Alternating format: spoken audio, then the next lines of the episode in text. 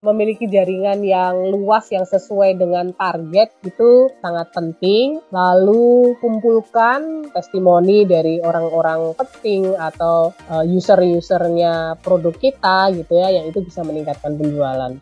Cerita Bisnis, podcast persembahan Media by KG Media dengan cerita dari para pebisnis dengan UMKM yang unik dan menarik. Cus, dengerin deh! Moms dan Dads ingin belajar pola asuh anak dan parenting dari ahlinya, sekaligus hiburan drama audio yang diangkat dari kisah nyata. Yuk dengerin podcast obrolan Meja Makan persembahan Media by KG Media bersama Nakita dan Nova hanya di Spotify.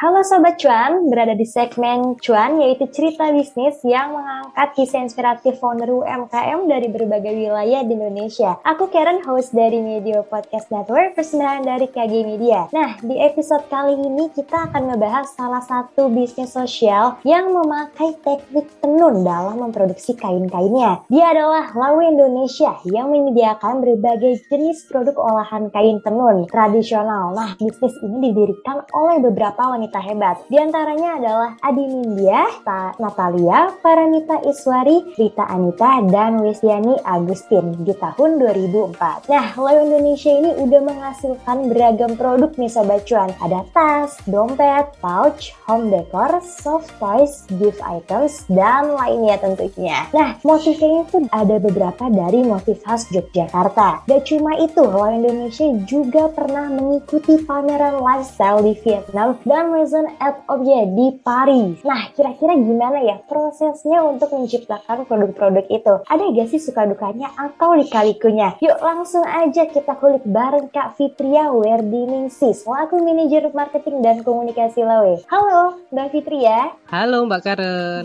Tadi sempat aku mention di awal nih Mbak ya, kalau mm -hmm. Lawe ini tuh perusahaan sosial masyarakat yang mengubah tenun tradisional jadi produk fungsional melalui pemberdayaan perempuan perempuan. Ada nggak nih Mbak latar belakang khusus kenapa sih milih kain tenun buat jadi media buat ngebantu para perempuan di luar sana? Awalnya kan memang dimulai oleh para founder ya, dua dari founder kami kan itu bekerja di sebuah NGO yang beberapa programnya adalah pendampingan untuk masyarakat di sekitar hutan. Jadi programnya di uh, Sumba waktu itu. Kemudian di situ juga sebenarnya programnya gimana agar masyarakat sekitar hutan ini nggak ngerambah hutan, nggak nebang pohon gitu ya. Lalu potensi ekonomi apa yang ada di sekitar situ yang masih bisa dikembangkan. Dan ketemu ketemulah dengan si tenun ini gitu kan. Tenun Sumba kan cakep banget ya. Tapi tenun yang secakep itu kenapa nggak bisa bicara langsung gitu ya ke pasar gitu ya. Lalu udah deh itu kayaknya disimpan gitu terus pindah lokasi lain. Dan akhirnya sampai pada kesimpulan bahwa tenun tradisional Indonesia ini belum punya tempat khusus gitu ya di hati masyarakat Indonesia. Selain mungkin harganya mahal gitu ya produk-produknya juga masih berupa kain gitu dan penenun-penenun ini kan hampir semuanya perempuan ya.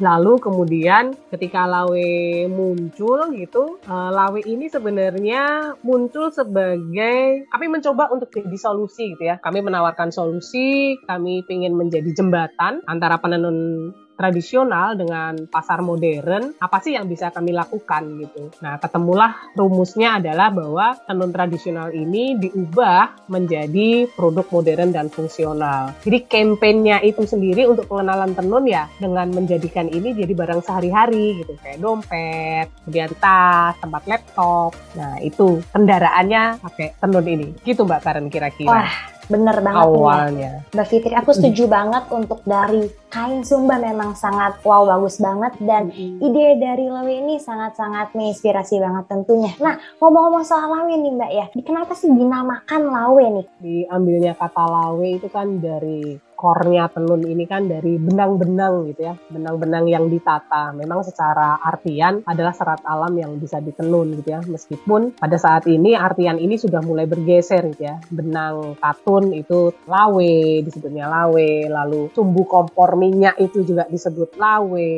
gitu ya. Nah memang di situlah dari mana tenun-tenun yang jadi kendaraannya Lawe ini berasal gitu ya. Bahwa dari benang-benang yang awalnya tidak berwarna, masih polos, kemudian diberi warna, ada beberapa tenun yang menggunakan teknik ikat, lalu juga diwarna, yang setelah itu ditenun jadi selembar kain itu jadi sesuatu yang syarat makna gitu ya jadi sesuatu yang cantik, penuh dengan warna, filosofi gitu ya. Nah itulah kenapa Lawe ini diambil jadi nama gitu, nama usahanya kami. Boleh mundur sedikit tadi mungkin itu memang awal-awalnya Lawe ya yang di Sumba itu tadi. Tapi kalau sekarang memang Lawe tidak hanya bahan bakunya itu menggunakan tenun lurik dari Jogja dan beberapa tenun dari daerah lain melalui program sisterhood dan program-program sosialnya Lawe melalui Living for Life. Gitu sih Mbak. Dari berdirinya nih Mbak, berdirinya Lawe itu dari 2004. Kalau terhitung ya. di tahun ini berarti sudah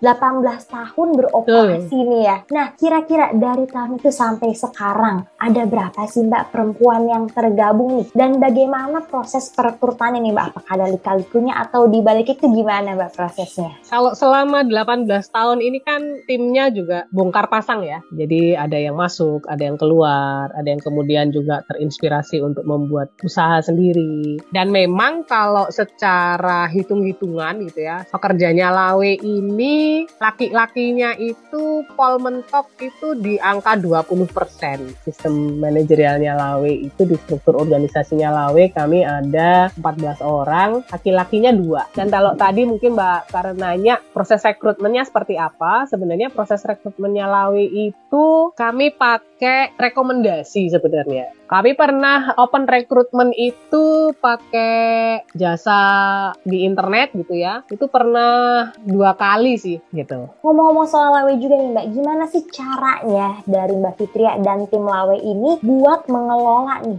Gimana sih caranya produk Lawe atau sistemnya supaya tetap konsisten dalam memproduksi produknya? Dan gimana nih Mbak tanggapan masyarakat di sana tentang kehadiran Lawe Indonesia? Pasti merasa terbantu kan? Ya, kalau untuk produknya itu yang pasti kami selalu bergerak ya untuk desain-desainnya seperti apa kira-kira konsumen pada saat ini tuh perlu produk seperti apa yang sebelumnya di kami nggak ada gitu ya. Selalu berinovasi untuk desain-desain produknya gitu. Kalau tanggapan masyarakat sendiri sebenarnya kalau di tempat yang sekarang ini kan kami baru pindah tempat baru nih Mbak. Belum banyak kegiatan yang kami lakukan dengan teman-teman di atau masyarakat sekitar. Kalau banyak yang kami lakukan itu sebenarnya di workshop terdahulu gitu ya. Itu kami sering bikin pelatihan, lalu pelatihan gratis ya untuk ibu-ibu gitu yang kemudian mereka jadi penjahitnya lawe gitu untuk bikin boneka. Jadi ada pelatihan eh, enam 6 bulan gitu ya. Minggu sekali mereka datang belajar itu kemudian kalau sudah sesuai dengan masuk standarnya lawe, mereka akan jadi suppliernya lawe. Wah, keren banget. Kalau boleh tahu nih Mbak, tempat workshop baru itu di mana sih? Biar sobat cuan yang di rumah nih tahu juga Asik. nih siapa tahu kalau tertarik bisa langsung cus. Kalau workshop barunya sekarang kami ada di Kerapia ya, ada di Kerapia Wetan. Kerapia Wetan ini ini masuk daerah pesantren gitu ya, kayak kampung santri gitu lah ya. Jadi kami di Kerapia Wetan di RT 10 nomor 293 Panggung Harjo, Sewon, Bantul. Nah, selain memberdayakan perempuan nih Mbak ya, ternyata tuh Lawe Indonesia juga punya program nih. Ada yang namanya Donor Lawe, kelas Lawe yang mungkin yang tadi kelas Lawe yang sempat disinggung oleh Mbak Fitria betul? Iya, iya, iya, iya. Oke, boleh dijelaskan nih Mbak, sedikit programnya tentang si Donor Lawe ini maupun kelas Lawe ini seperti apa? Jadi kalau ini sebenarnya programnya Lawe ini kan program bagaimana kami sharing uh, kembali untuk masyarakat ya. Nah, kalau donor ini sebenarnya kami menggerakkan program yang didanai oleh donor. Jadi ada funding gitu yang kalau dengan donor biasanya kami bekerja untuk jangka yang agak panjang 6 sampai 2 tahun.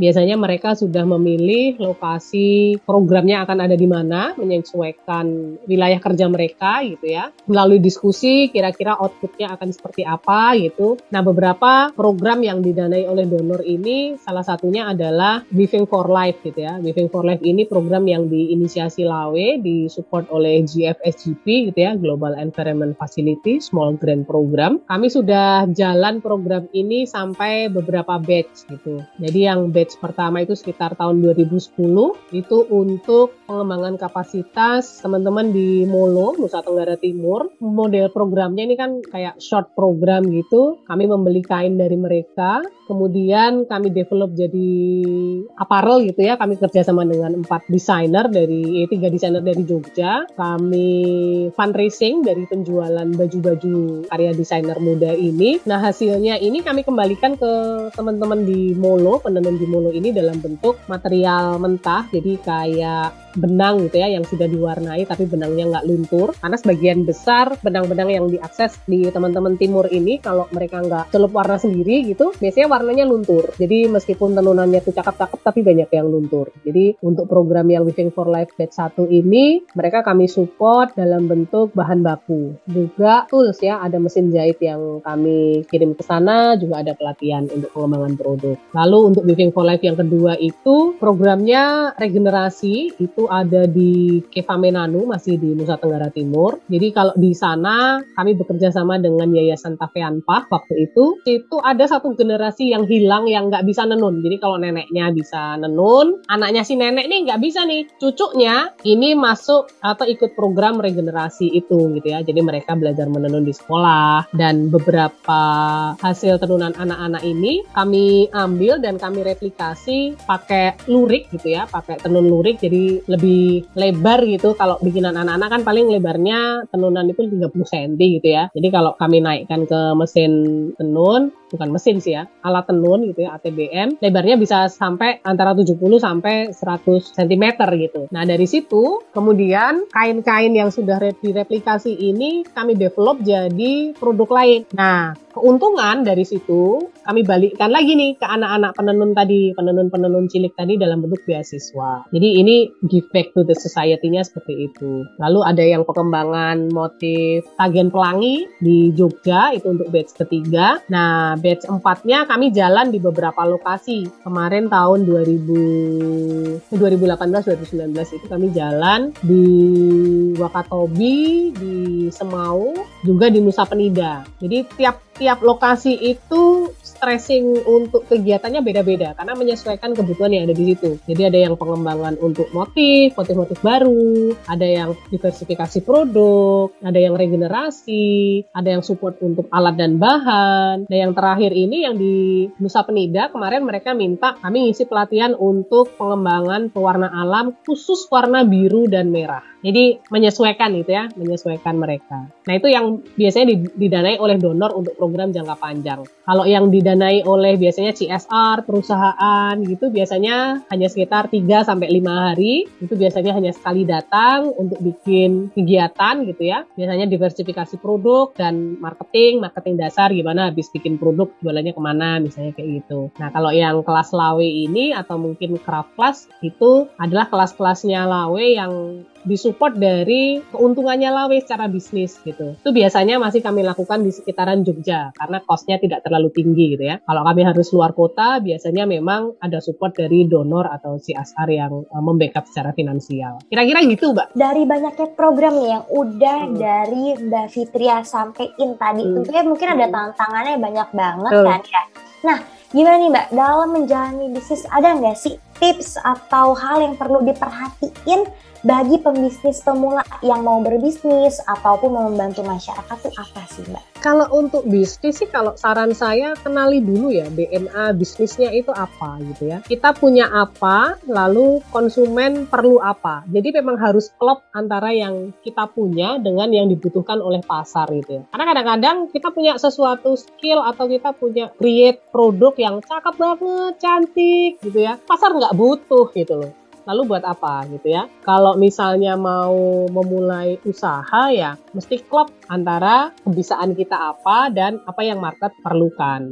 Karena Indian memang yang namanya bisnis pasti pengen usahanya jalan, laku, mendatangkan untung. Nah, Kalau misalnya teman-teman pengen jalan lagi untuk bisnis sosial gitu ya, kayak yang dilakukan Lawe, ada satu lagi PR-nya selain apa yang teman-teman bisa, apa yang market uh, butuhkan gitu ya. Bisnis ini memberikan solusi apa sih untuk masyarakat di sekitar gitu ya. Apakah misalnya cita-citanya, oh saya pengen memberi pekerjaan kepada uh, ibu-ibu yang single parent misalnya, atau anak-anak jalanan. Jadi kalau social enterprise biasanya memang ada ada masalah yang pengen coba diselesaikan gitu. Kalau Lawe kan berangkat dari kecintaan para founder akan kain tradisional dan kain tradisional ini terutama tenun menghadapi masalah bahwa mereka nih belum bisa bicara ke pasar meskipun varian tenun dari ujung barat sampai ujung timur sedemikian cantik tapi kayaknya kok di market belum bisa ngomong masih kalah sama batik gitu ya. Kok tenun nggak ada gaungnya gitu. Di situ adalah masalah yang pengen coba diselesaikan oleh Lawe. Campaign agar tenun tradisional ini bisa lebih lestari. Gitu ya. sih Mbak.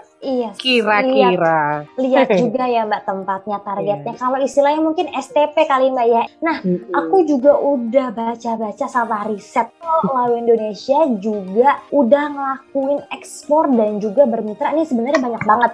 Tapi aku udah nemuin satu yang unik menurut aku. Lawe ini juga bermitra dengan Ten by Tree. Nah, ini gimana Mbak proses perjalanannya? Kalau dengan Ten by Tree ini sebenarnya proses panjang ya. Itu hampir sepanjang Lawe berdiri karena awalnya dulu uh, programnya Ten by Three ini personal projectnya dari Bu Nindya ya waktu itu salah satu foundernya Lawe. Kemudian kita bawa jadi programnya Lawe gitu ya biar bisa dipikirin banyak orang gitu. Jadi kalau dulu ini sebenarnya nggak melenceng gitu ya bukan melenceng sih agak di luar core-nya Lawe karena Ten by Three ini dulu produknya berupa basket berupa keranjang gitu ya. Mereka berbasis di Amerika sebuah perusahaan non profit yang kami punya pengrajin dari pemimpin dari Bogor gitu waktu itu yang provide untuk order-ordernya 10 by 3 dan juga dari Jogja. Jadi sistem kerjanya mereka itu adalah mereka memberi prosperity wages gitu ya. Kalau biasanya eksportir itu biasa nekan harga, tapi kalau dengan 10 by 3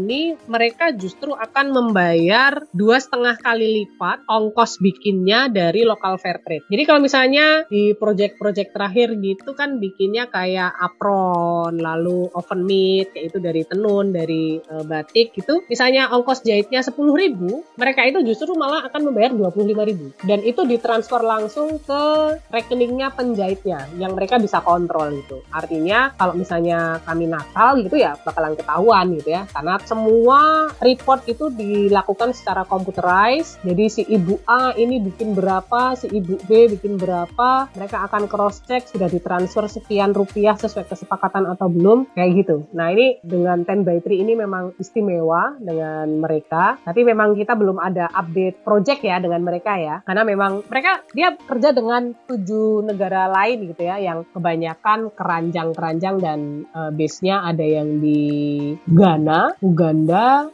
ada di Bangladesh, ada di India, juga di Togo gitu ya kayaknya di ada negara yang lain lagi. Kenya, Kenya ada di Kenya juga. Gitu sih kalau dengan 10 by 3. Dari sudut pandang seorang manajer marketing dan komunikasi, gimana caranya untuk memaksimalkan produk Lawe Indonesia nih Mbak? Dari program-program yang sudah dimention oleh Mbak Fitria tadi. Kalau untuk promosi sebenarnya Lawe itu kuat di referral ya. Produk-produknya Lawe ini memang sudah teruji untuk uh, jadi provider justru di seperti kayak meeting kit, company merchandising, souvenir. Jadi kayak produk-produk yang masuk ke toko-toko di bandara ya, ada ada toko di bandara. Mestinya sih sekarang kami sedang mencoba untuk meskipun agak telat gitu ya, coba untuk memaksimalkan yang pemasaran digital karena mau tidak mau kalau kita mau semakin besar pemasaran digital ini tidak bisa kita tinggalkan. Jualan apa pun semuanya memang harus uh, geser ke sana gitu ya paling tidak sekarang secara sosial media untuk pengenalan produk dan program-program yang dijalankan Lawe semua sudah nongol di situ gitu. Setidaknya untuk awareness eh, teman-teman gitu. Dari situ ada beberapa yang nyangkut gitu ya.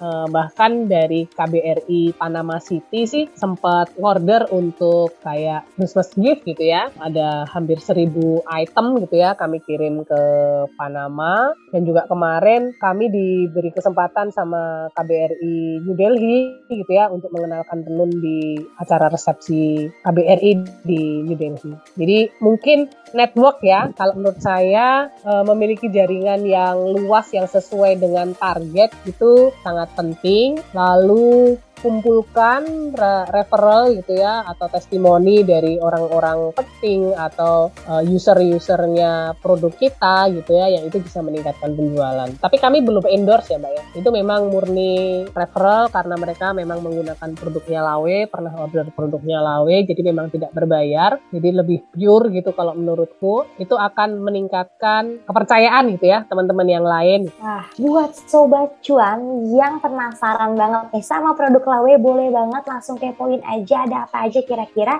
bisa dicek di websitenya Lawe atau di Instagramnya ada di @lawe_indonesia. Nah untuk Mbak Fitria terima kasih banyak udah mau sharing dan cerita mengenai perjalanan dari bisnis Lawe Indonesia ini sangat-sangat menginspirasi sobat cuan ya. Dan jangan lupa untuk follow podcast cuan di Spotify dan Instagram kami di @medio by KG Media. Sekian episode cerita bisnis kali ini. Aku Karen dan segenap tim yang bertugas hari ini pamit undur diri dan sampai jumpa di episode selanjutnya. Bye!